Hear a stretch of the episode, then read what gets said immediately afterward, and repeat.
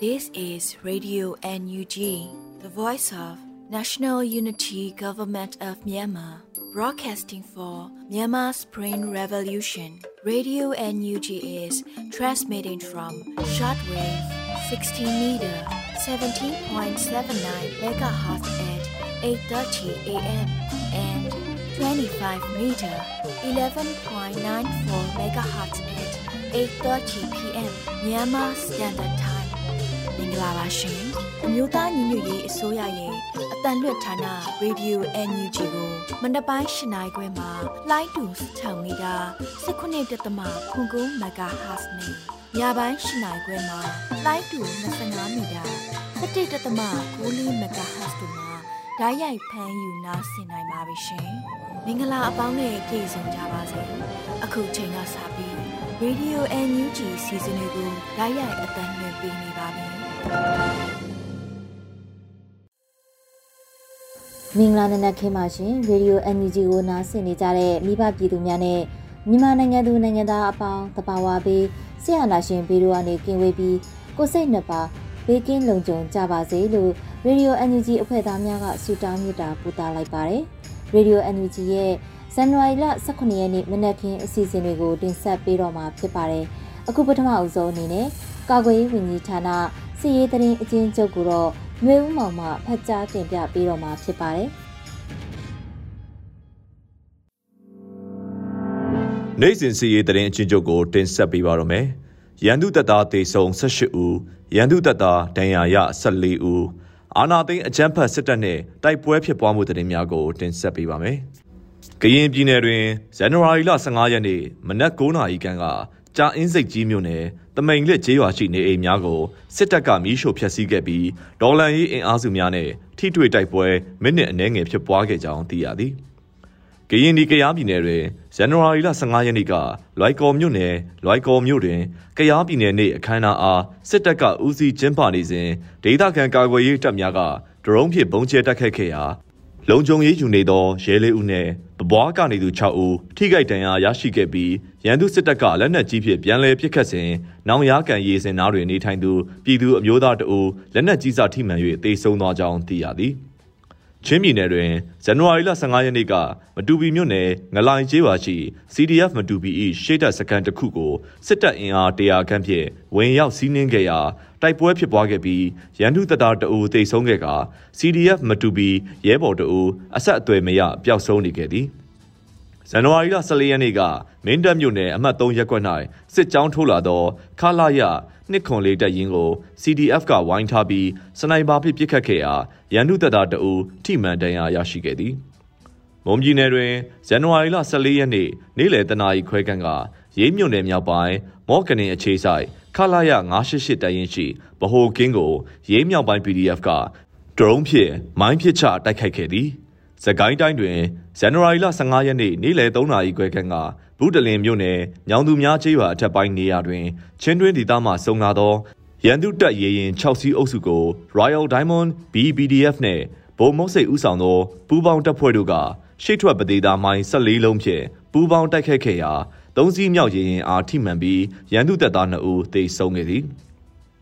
ဇန်နဝါရီလ15ရက်နေ့ကရွှေဘုံမြို့နယ်ရွာသားရွာမှပြူစောထီးများကစပားမရေရဟုတားထားသောလေများကိုရွှေဘုံမြို့နယ်ပကဖတိုက်နယ်ငါပြည်သူ့ကာကွယ်ရေးအဖွဲ့များနဲ့မဟာမိတ်များကပြည်သူ့လေများကိုရိတ်သိမ်းနိုင်ရန်အတွက်ကာကင်းယူပေးပြီးရိတ်သိမ်းနေစဉ်နေ့လယ်2နာရီ10မိနစ်ခန့်ကပန်းလိုင်ကျေးရွာစာတင်ကျောင်းအတွင်းရှိ ရန်သူတပ်ကလက်နက်ကြီးဖြင့်နှစ်ချက်ပစ်ခတ်ခဲ့ရာစပားရိတ်နေသောရိတ်ဆက်များအနီးလေကြားသို့ကြားရောက်ပောက်ကွဲခဲ့ရာပောက်ကွဲပြီးပြီးချင်းမီးလောင်ခဲ့သည်ဇန်နဝါရီလ15ရက်နေ့မနက်9:00နာရီခန့်ကပလဲမြို့နယ်ပလဲမြို့မြို့ဦးရက်၌ရန်သူတပ်သားများကိုပြည်သူ့ကာကွယ်ရေးတပ်မတော်ရင်းမပင်ခရိုင်တရင်30ဒေါင်းနက်ရဲခေါင်တပ်စုကပြစ်ခတ်တိုက်ခိုက်ခဲ့သည်ဇန်နဝါရီလ14ရက်နေ့ညနေ6:40ခန်းက မြင်းမူမြို့နယ်အလကပရွာမြောင်လန်းခွဲတွင်တပ်ဆွဲထားသောရန်သူစခန်းအား Night Commanders PDF Black Dragon Special Force Golden Eagle Force မုံရွာຫນွေဦးတကောင် PDF တို့ကတာဝေးပစ်များဖြင့်ပြစ်ခတ်တိုက်ခိုက်ခဲ့ပြီးရန်သူတပ်သား3ဦးသေဆုံးပြီး9ဦးထိခိုက်ဒဏ်ရာရရှိခဲ့သည် ဇန်နဝါရီလ14ရက်နေ့နေ့လယ်3:38မိနစ်ခန့်ကမြင်းမူမြို့နယ်မြောင်လန်းခွဲတွင်ရန်သူတပ်သားခန့်မှန်းအင်အား80ခန့်ဖြင့်အထိုင်ချတပ်ဆွဲထားသည့်နေရာအား People Army to Fight Dictatorship P8FD တက်ခွဲ DKPDF MMU ຫນွေဦးတကောင် PDF Germany Revolution Force မြင်းမူမြောင် People Night Defense Force မြင်းမူ PKDF MMU တောင်တာ People Defense Force TTA PDF DBBF MMU စသည့်မဟာမိတ်တပ်ပေါင်းစုကဒရုန်းနဲ့လက်နက်ကြီးအသုံးပြု၍ပစ်ခတ်တိုက်ခတ်ခဲ့ရာရန်သူတပ်သားများထိခိုက်မှုရှိခဲ့ပြီးမဟာမိတ်တပ်ပေါင်းစု၏ဒရုန်းတစ်စီးပျက်စီးဆုံးရှုံးခဲ့သည်မန္တလေးတိုင်းတွင်ဇန်နဝါရီလ14ရက်နေ့မနက်9:00နာရီခန့်ကနထိုးကြီးမြို့နယ်နထိုးကြီးမြို့ရှိနွားဈေးကွင်းတွင် လိုင်းကျေးလာကောက်သောနေထင်းရဲတက်ချက်တန်းစော်မင်းနှင့်၎င်း၏တပည့်ရဲတပ်သားအောင်ကျော်ဖြိုးတို့ကိုပြည်သူ့ကာကွယ်ရေးတပ်မတော်မြင်းချံခရိုင်အမှတ်၄တပ်ရင်းနထိုးကြီး People Defense Force NBDF ကပြစ်ခတ်တိုက်ခိုက်ခဲ့ရာ၎င်းတို့ဓမ္မဦးစီးတလက်ကြည်ပေါင်းနှစ်ခုကိုမမကြီး156တောင်းနဲ့ဖုန်းတစ်လုံးတို့အားတင်စီနိုင်ခဲ့ပြီးနှစ်ဦးလုံးသေဆုံးခဲ့သည်။ ပဲခူးတိုင်းတွင်ဇန်နဝါရီလ16ရက်နေ့နေ့လယ်12နာရီခန့်ကဒါယာဝတီခရိုင်အုပ်ဖို့မြို့နယ်တွင်ပြည်သူ့ကာကွယ်ရေးတပ်မတော်ဒါယာဝတီခရိုင် PDF တပ်ရင်း3800နှင့်တပ်ခွဲလေးက အုပ်ဖို့မြို့နယ်ချောင်းဆောက်ရွာနယ်ရောင်ပင်အိုင်ရွာကြားရောင်ပင်အိုင်တရားအောက်ရှိစစ်ဘက်ဆိုင်ရာမြေအောက်ဆက်သွယ်ရေးကျိုးအားဖျက်ထောက်ကမိုင်းထောင်ထားခဲ့ပြီးအဆိုပါဆက်သွယ်ရေးကျိုးအားစစ်ဆေးရန်လာသည့်ရန်သူအင်အား30ခန့်မိုင်းဆွဲခံရပြီးကုန်းရွာစခန်းမှုအပါအဝင်ရန်သူတပ်သား2ဦးထိခိုက်ဒဏ်ရာရရှိခဲ့သည် ဇန်နဝါရီလ15ရက်နေ့မနက်8:50ခန်းကကြောက်ကြီးမြို့နယ်နောင်ကုန်းရွာရှိရန်သူတပ်စခန်းအားပြည်သူ့ကာကွယ်ရေးတပ်မတော် PDF တပ်ရင်း3900နှင့်ဒရုန်းတပ်ဖွဲ့ကဒရုန်းပစ်တက်ခတ်မှု၈ကြိမ်မိုင်းခွဲမှုတစ်ကြိမ်ပြုလုပ်ခဲ့ရာရန်သူတပ်ဖွဲ့ဝင်၈ဦးပြူစောတိ2ဦးသေဆုံးက၄ဦးဒဏ်ရာရပြီးပြည်သူ့ထောက်ပို့တရားတစ်ခုပျက်စီးခဲ့ကြောင်းသိရသည်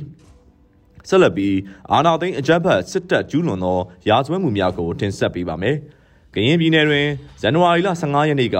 KNU တပ်မဟာ6နယ်မြေကြာအင်းစိတ်ကြီးမြို့နယ်ထဲသို့စစ်ကြောင်းထိုးဝင်ရောက်လာသောရန်သူစစ်ကြောင်းကအရက်သားများကိုဖမ်းဆီးပြီးပေါ်တာနှင့်လူသားတိုင်းအဖြစ်အုံပြုခဲ့ကစစ်ပေးရှောင်ရွာများတွင်ရန်သူတပ်များကဝင်ရောက်တပ်ဆွဲထားကရွာထဲရှိအိမ်များကတန်မိုးရှိပစ္စည်းများကိုယူသွားပြီးရွာထဲပြန်လာနေသောဒေသခံများကိုလည်းရွာမှပြန်ထွက်ခွင့်မပေးကြောင်းသိရသည်။ဒေါ်လာရေးအင်အားစုများက အရက်သားပြည်သူများနဲ့ဂျေးရွာနေအိမ်များကိုအထိကိမခံလိုသောကြောင့်နယ်မြေတချို့မှထွက်ခွာပေးခဲ့ရကြောင်းသိရသည်။ကရင်နီကရားပြည်နယ်တွင်ဇန်နဝါရီလ15ရက်နေ့နေ့လယ်3နာရီခန့်ကလွိုင်းလင်းလေးမြို့တွင်ရန်သူတပ်ကလက်နက်ကြီးများဖြင့်ပစ်ခတ်သောကြောင့်ခြံဝင်းအတွင်လက်နက်ကြီးကြားရောက်ပောက်ကွဲပြီးမိသားစု3ဦးထိခိုက်ဒဏ်ရာရရှိခဲ့ကြောင်းသိရသည်။ စကိုင်းတိုင်းတွင်ဇန်နဝါရီလ16ရက်နေ့လယ်12:20မိနစ်ခန့်ကရွှေဘိုမြို့နယ်အုံးပေါက်ကြီးရွာအနောက်ချမ်းကိုရန်သူတပ်သားများဝင်ရောက်ပြီးနေအိမ်များကိုမိရှို့ဖျက်ဆီးခဲ့သည်ဇန်နဝါရီလ16ရက်နေ့နေ့လယ်3:40ခန်းကရွှေဘုံမြို့နယ်မောင်းတက်ကြီးရွာသို့ရန်သူတပ်သားများစတင်ဝင်ရောက်ခဲ့ပြီးနေအိမ်များကိုမိရှို့ဖျက်ဆီးခဲ့သည်ဇန်နဝါရီလ15ရက်နေ့မနက်9:00ခန်းက ကောလင်းမြို့နယ်ကောလင်းမြို့ပေါ်တွင်ခမာရ369မှရန်သူတပ်သားများနဲ့ပြူစောတိ80ခန်းက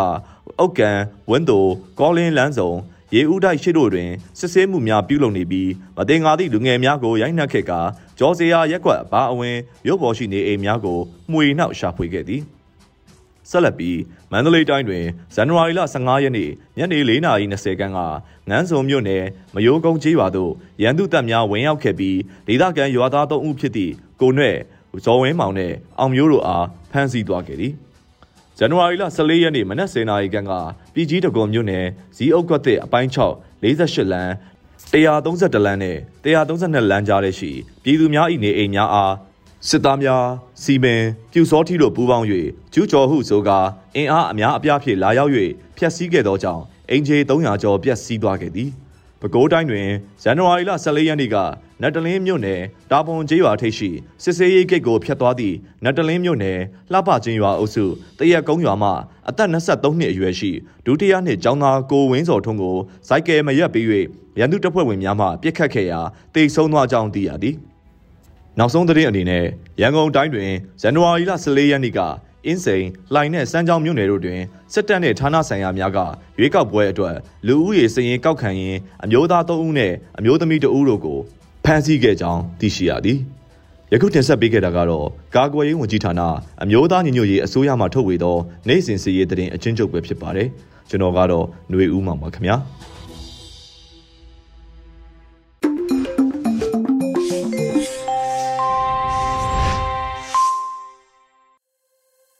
အခုဆက်လက်ပြီးနောက်ဆုံးရပြည်တွင်းသတင်းများကိုတော့မျိုးဦးမုံမှတင်ပြပေးမှာဖြစ်ပါတယ်။မင်္ဂလာမနက်ခင်းပါရှင်။2023ခုနှစ်ဇန်နဝါရီလ18ရက်နေ့ Radio NUG ရဲ့ပြည်တွင်းသတင်းတွေကိုတင်ပြပေးသွားမှာပဲဖြစ်ပါတယ်။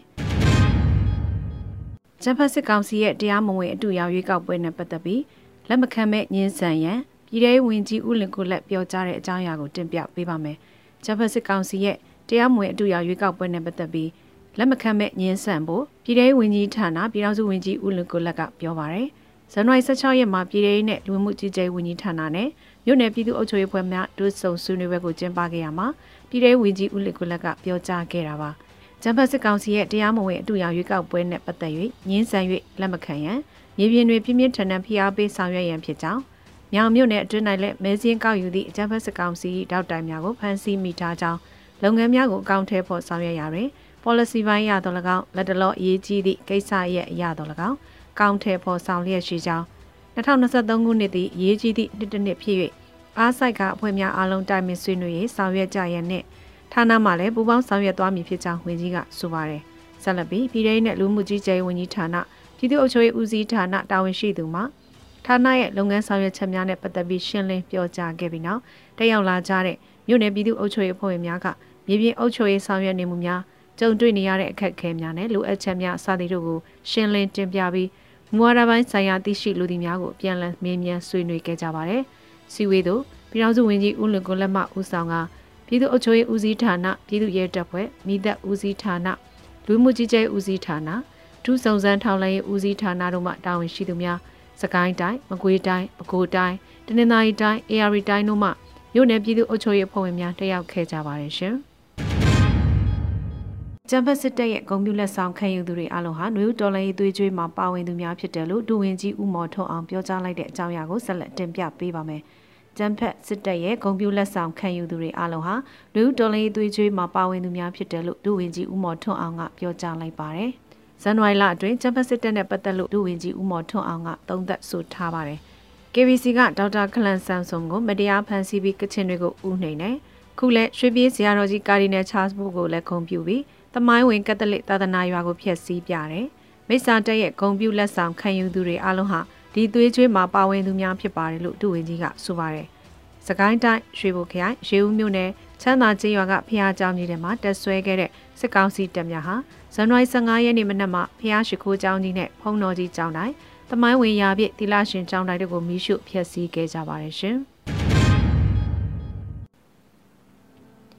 NUG Pay ရဲ့ဈေးကွက်အတွင်း DMMK လဲပတ်ငွေတန်း9000ရှိပြီလို့သတင်းပါတဲ့အကြောင်းအရာကိုဆက်လက်တင်ပြပေးပါမယ်။ NUG Pay ရဲ့ဈေးကွက်အတွင်းမှာ DMMK လဲပတ်ငွေဟာတန်း9000ရှိပြီလို့သတင်းပါလိုက်ပါတယ်။ဇန်နဝါရီ16ရက်မှာ NUG Pay ကနေအတိပေးဆိုပါတယ်။ NUG Pay အားဒေါ်လာရေးစိတ်ဖြင့်ဝင်းရံကြသောပြည်သူများကိုထူပင်လေးစားဂုဏ်ပြုတံမိုးထားလျက်ဈေးကွက်အတွင်း DMMK လဲပတ်ငွေတန်း9000ရှိပြီဖြစ်ကြောင်းသတင်းကောင်းပါပါရစေလို့ဆိုပါတယ်။ NGB ဟာလက်ရှိမှာသုံးသူလူဦးရေတောင်းနဲ့ချီရှိနေပြီးဆီယနာရှင်ဗန်နာရေးစနစ်အောက်ကလွတ်ကင်းတဲ့တခုတည်းသောပေးတစ်ခုလည်းဖြစ်ပါတယ်။ NGB သည်မြန်မာပြည်သူတို့၏တက်တိလုံလဝရိယရှိမှုကြံ့ကြံ့ခံနိုင်မှုလွတ်လပ်မှုနှင့်ဒီမိုကရေစီအားလိုလားတောင်းတမှုတို့ကိုဖော်ပြသောပြည်သူတော်လှန်ရေး၏ရင်ရထားတစ်စင်းအဖြစ်ပြည်သူနဲ့အတူအမြဲရှိနေပါမယ်လို့ NGB ကဖော်ပြပါတယ်ရှင်။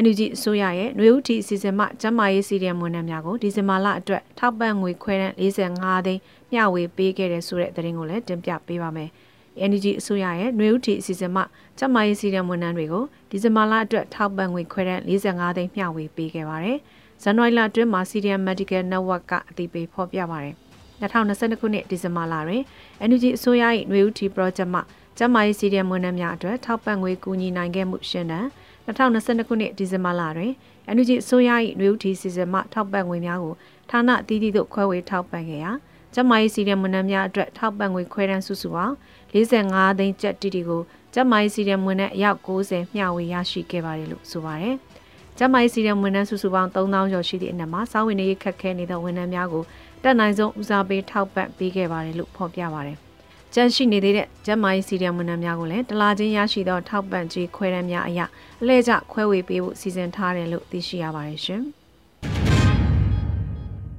ရေတော်မြို့နယ်နဲ့ဗမောက်မြို့နယ်မှာတာဝန်ထမ်းဆောင်နေကြတဲ့ပညာရေးဌာန၊ကျန်းမာရေးဌာနနဲ့စိုက်ပျိုးရေးဌာနမှနမ်စီရီယံ29ဦးအလင်းဝင်ရောက်လာတဲ့တဲ့ရင်ကိုလည်းဆက်လက်တင်ပြပေးကြပါမယ်။ရေတော်မြို့နယ်နဲ့ဗမောက်မြို့နယ်တွေမှာတာဝန်ထမ်းဆောင်နေကြတဲ့ပညာရေးဌာန၊ကျန်းမာရေးဌာနနဲ့စိုက်ပျိုးရေးဌာနမှနမ်စီရီယံ29ဦးအလင်းဝင်ရောက်လာကြပါတယ်။ဇန်နဝါရီ16ရက်မှာပြည်ထောင်ဝန်ကြီးဌာနကအသိပေးဖော်ပြပါတယ်။ မြို့သားညီညွတ်ရေးအစိုးရဂျာကာလဒေသနာပြည်သူ့အုပ်ချုပ်ရေးဖော်ဆောင်နေသည့်မြို့နယ်ပြည်သူ့အုပ်ချုပ်ရေးအဖွဲ့များအနေဖြင့်စစ်ကောင်စီလက်အောက်ခံနန်းစီတံများအားအလင်းဝင်ရောက်လာကြရန်ကြေညာချက်များထုတ်ပြန်ဆောင်ရွက်လျက်ရှိရာ18ရက်6လ2022ရက်နေ့မှ12ရက်1လ2023ရက်နေ့အထိရဲတော်မြို့နယ်နဲ့ဗမောက်မြို့နယ်တွင်တာဝန်ထမ်းဆောင်နေကြသောပညာရေးဌာန၊ကျန်းမာရေးဌာနနဲ့စိုက်ပျိုးရေးဌာနမှနမ်စီဒီယန်29ဦးအလင်းဝင်ရောက်လာတယ်လို့ဖော်ပြပါရတယ်။ စကောက်စီတပ်များဟာစကိုင်းတိုင်းမှာနေမြေစိုးမှုမှုအပြည့်အဝမရှိတော့ပဲကြေးရွာများကိုသာစစ်ကြောင်းထိုးပြီးရဲသားများကိုပြစ်မှတ်ထားတိုက်ခတ်လျက်ရှိပါတယ်ရှင်။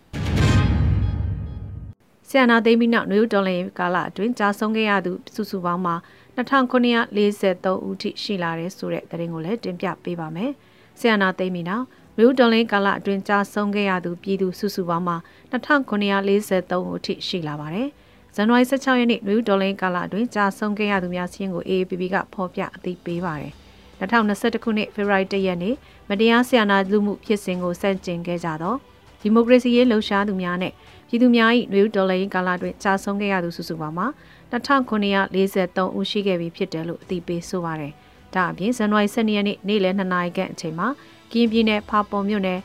ပေကေကျေးရွာအုပ်စုလေးဝါကျေးရွာကိုအကြမ်းဖက်စစ်အုပ်စုမှ တိုက်လျင်နှစ်စီးနဲ့ဘုံသီး6လုံးကျဲချပြီးတိုက်ခိုက်ခဲ့ရာဘုံသီးများမှကျေးရွာတွင်းရှိခရီးယန်ဖျားရှိခိုးကျောင်းကိုကြားရောက်ပောက်ကွဲခဲ့တာကြောင့်သေဦးစရာ2ဦးအပါအဝင်ဒေသခံ9ဦးသေဆုံးခဲ့ပြီး9ဦးဒဏ်ရာရရှိခဲ့ပါတယ်ရှင်။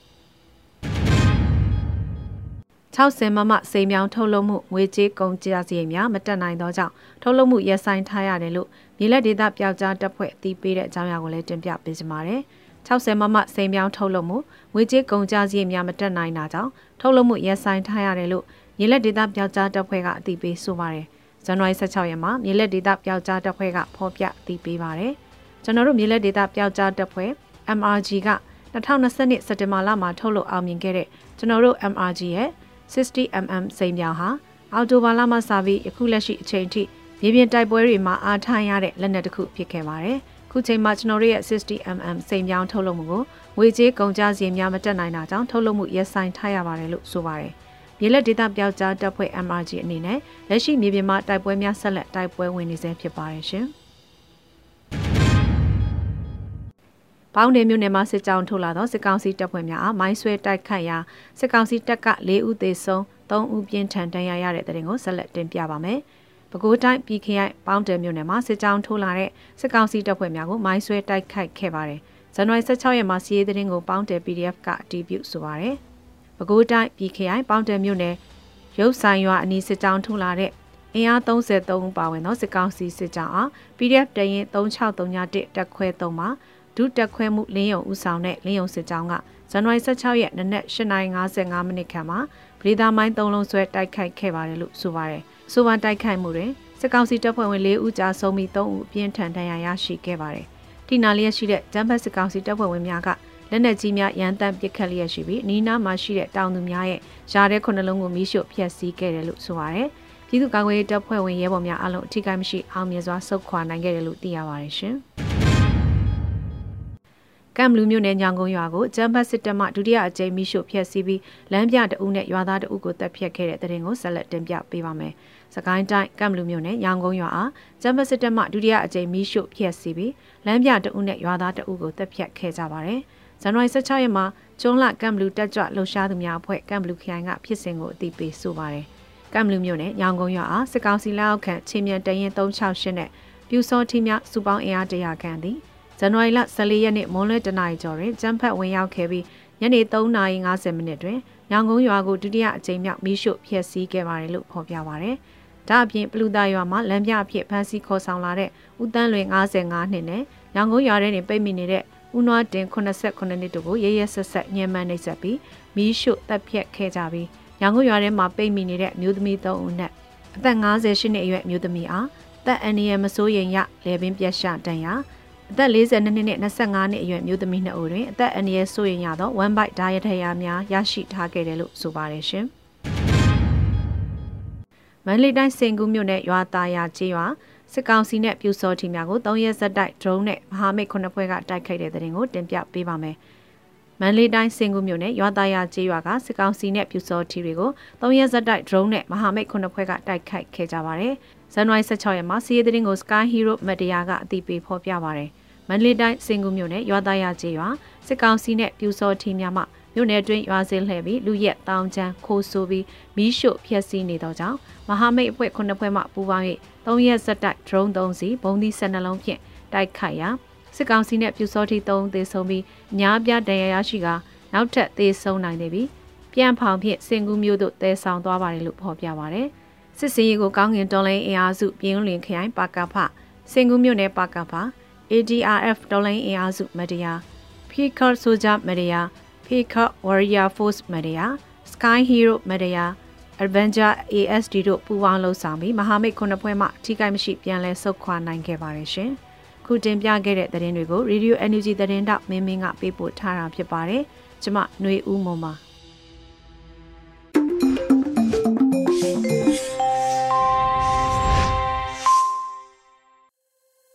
ခုဆက်လက်ပြီးရဲဘော်မင်းမင်းရေးသားထားပြီးညနေရီတွင်ရွတ်ဖတ်ထားတဲ့အမေကိုမပေးဖြစ်သောကြပြလေးလိုအမည်ရတဲ့တော်လည်ရေးကြပြကိုနားဆင်ကြရမှာဖြစ်ပါတယ်ရှင်။အမေကိုမပေးဖြစ်သောကြပြလေးအမေလူတစုပေါ့တိုင်းပြည်ကိုနင်းလူကောင်းတွေကိုရှင်းအာနာလန်းကိုခင်းခဲ့ကြအမေသူတို့ကတိတ်ရက်ဆက်တယ်တိုင်းပြည်ကိုဖျက်သူတို့အမျက်ထွက်ဖို့ သားတငယ်ချင်းတွေကိုလည်းတတ်ခဲ့ကြအမေအမေသားလူမိုက်တိုင်းပြည်ကိုကဲအာနာယူတွေကိုဖယ်ဖို့စရိုက်လဲတူတဲ့တငယ်ချင်းတွေနဲ့တိုက်ပွဲအတူဝင်နေအမေအမေကိုလွမ်းအမေပါးလေးကိုနမ်းကျင်လို့အမေသားလူချမ်းတနက်ကိုထမ်းအနာဂတ်ကိုမှန်းလို့ခယောင်းလန်းကိုလှမ်းလိုက်အောင်အမေအမေသားလူမိုက် တိုက်ခိုက်ရင်ကြခင်အမေမငုံနဲ့သားအတွက်ခုံယူပုံတူလေးဧကန်းမှာချိတ်ထားပြီးအမေဒါကအမေကိုမပေးဖြစ်တဲ့ကြပြလေးတခါလေးများအခွင့်ကြုံအမေရင်ဝင်ကိုခုခလေးတယောက်လိုငိုခြင်းလေးအမေအခုချိန်မှာတော့စစ်ခွေးတွေကိုတတ်အာနာယူးတွေကိုအမြင့်ဖြတ်ဖို့တနတ်ကိုတဲ အိမ်မက်တွေကိုဖယ်ထားလိုက်အမေအမေသားလူမိုက်ကိုစိတ်နာလိုက်ကြိတ်ကငိုခဲ့တဲ့မျက်ရည်တွေကိုအမေမမြင်အောင်ပြင်ဆင်အမေအိုရင်ဝင်နေတနေ့သားမိုက်ပြန်ခဲ့ပါရဲဘော်မင်းမင်း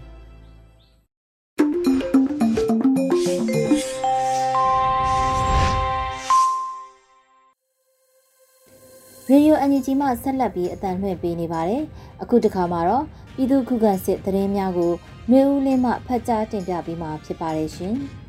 ။ပထမဦးစွာရင်းမာပင်တွင်စစ်ကြောင်းမိုင်းဆွဲတိုက်ခိုက်ခံရတဲ့သတင်းကိုတင်ဆက်ပါမယ်။စကိုင်းတိုင်းရင်းမာပင်မြို့နယ်ဗန်ဘီရွာမတွင်တက်ဆွဲထားသောစစ်သားများကိုမိုင်းဆွဲတိုက်ခိုက်မှုစစ်သား3ဦးသေဆုံးကြောင်းချင်းတွင်တိုက်ကာ LPDF အဖွဲ့ထံမှသိရပါတယ်။ဇန်နဝါရီလ16ရက်နေ့နနက်9:10မိနစ်တွင် ဗန်ပွေးရွာမမှထွက်ခွာလာသောစစ်သားများကိုရှေ့ရမိုင်းဆက်နှလုံးဖြင့်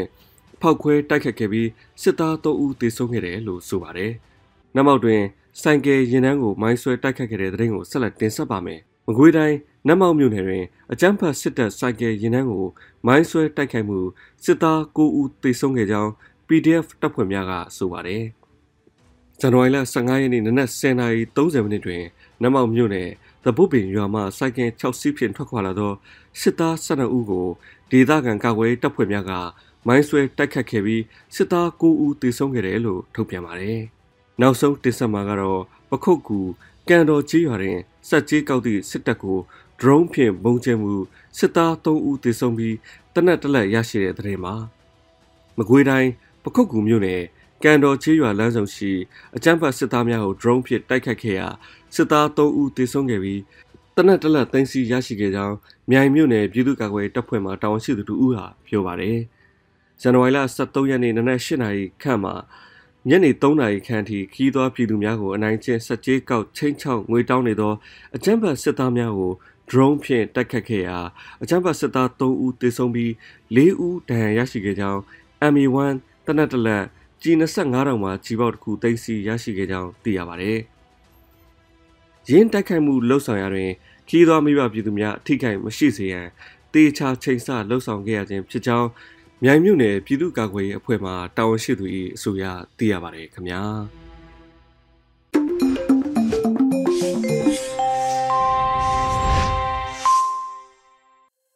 ဆက်လက်ပြီး PPTV ရဲ့နေ့စဉ်သတင်းများကိုတော့တထက်အင်ဒရာအောင်မှဖတ်ကြားတင်ပြပေးပါဖြစ်ပါတယ်ရှင်။ အခုချိန်ကစပြီး PPTV သတင်းတွေကိုတင်ဆက်ပြီးတော့မှာပါ။ကျွန်မထထက်အင်ဒရာအောင်ပါ။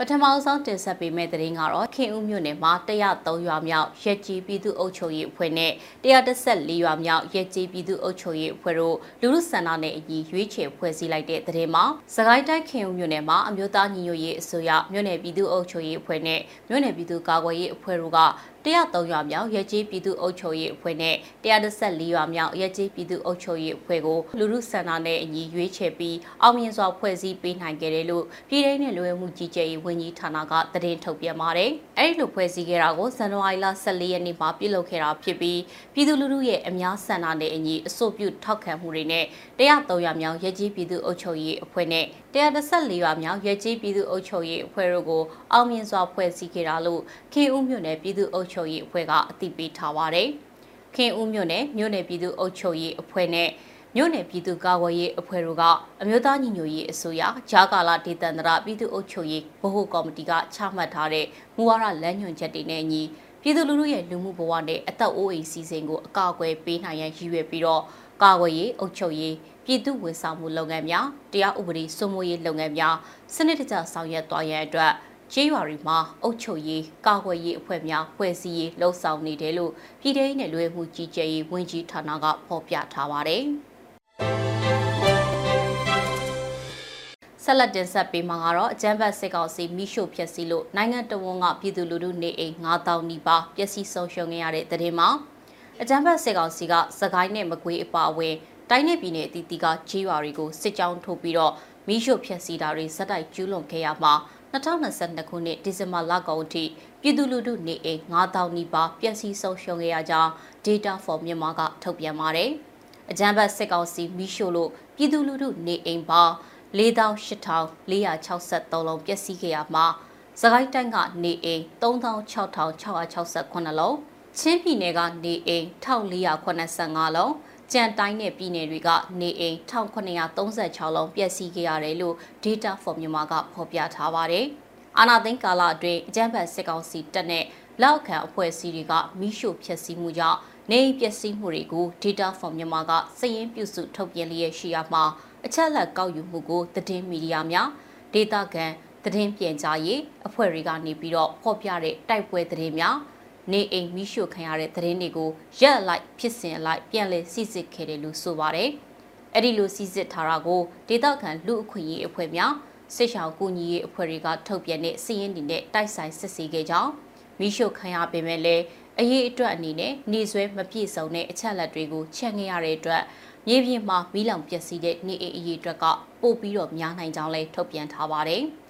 အကြမ်းဖက်စစ်ကောင်စီတပ်ဟာရွာတွေကိုမိရှို့တာအပြင်လက်နက်ကြီးနဲ့ပစ်ခတ်တာလေကြောင်းကတိုက်ခိုက်တာတွေကျူးလွန်ခဲ့လို့ပြည်သူတွေအသက်ဆုံးရှုံးထိခိုက်မှုတွေလည်းရှိခဲ့ပါတယ်။ဒီကနေ့ကတော့ဒီညနေပဲ Radio NUG ရဲ့အစီအစဉ်လေးကိုခေတ္တရနာလိုက်ပါမယ်ရှင်မြန်မာစံတော်ချိန်မနေ့၈နိုင်ခွဲနဲ့ည၈နိုင်ခွဲအချိန်တွေမှာပြောင်းလဲဆိုပြကြပါလို့ရှင် Radio NUG ကို မနေ့ပိုင်း၈နိုင်ခွဲမှာလိုင်းတူ16မီတာ19.7မခုကူမဂါဟတ်နဲ့ညပိုင်း၈နိုင်ခွဲမှာလိုင်းတူ25မီတာ17.6မဂါဟတ်တို့မှာဓာတ်ရိုက်ဖမ်းယူနားဆင်နိုင်ပါပြီရှင်မြန်မာနိုင်ငံသူနိုင်ငံသားများကိုစိတ်နှဖျားစမ်းမချမ်းသာလို့ဘေးကင်းလုံခြုံကြပါစေလို့ Radio NUG ရဲ့ဖွဲ့သူဖွဲ့သားများကဆုတောင်းလိုက်ရပါတယ်။ San Francisco Bay Area အခြေဆိုင်မြမမိသားစုများနိုင်ငံတကာကစေတနာရှင်များလုံအားပေးများရဲ့ Radio NUG ဖြစ်ပါတယ်ရှင်။အရေးတော်ပုံအောင်ရမည်။